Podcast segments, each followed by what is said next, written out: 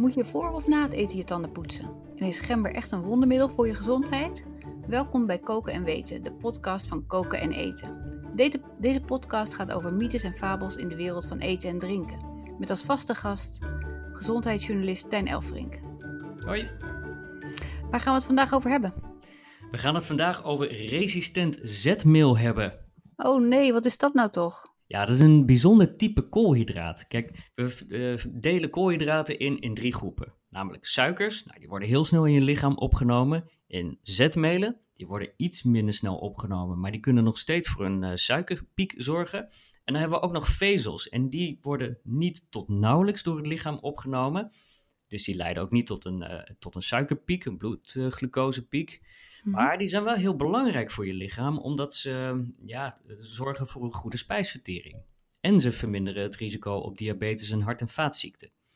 Nou, normaal ja, gesproken, maar, ja. als je pasta eet of aardappels eet, dan, uh, dan zit daar heel veel zetmeel in.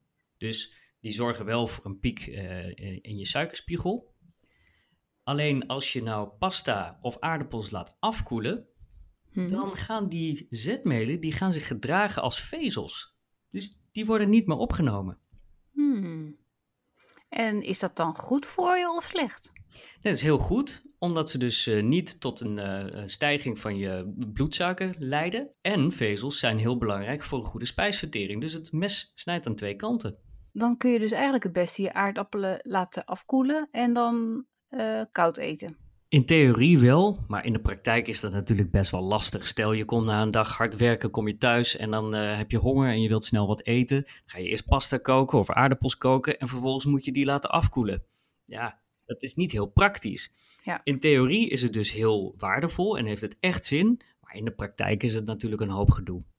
Ja, of je kunt natuurlijk met die klikjes, of bijvoorbeeld als je iets overhoudt, kun je dan natuurlijk ook wel iets anders maken. Van de aardappelen, aardappelsalade of van Precies. pasta, pasta salade ja, bijvoorbeeld. Dus voor een ja. kliekje wat overblijft voor de volgende dag. Nou, dat is het mooi meegenomen. En inderdaad, als je pasta salade maakt, dan is het ook heel handig.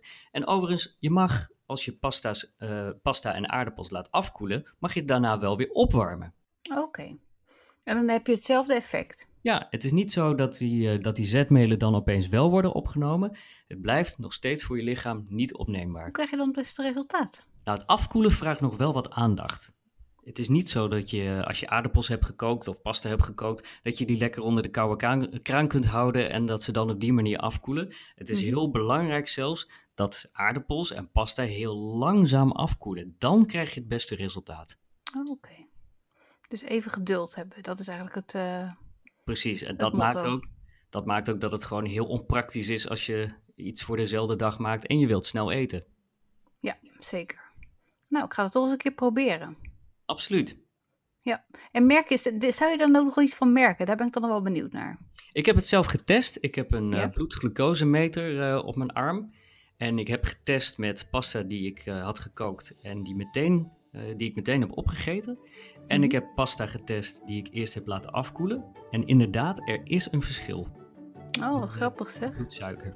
Ja. Dus je zag dus dat er minder een, piek, minder een grote piek was. Ja, klopt. Na het eten. Ja. Heel interessant. Nou, dankjewel voor je uitleg weer. Graag gedaan. Tot volgende keer. Tot volgende week. Ja, oké. Okay.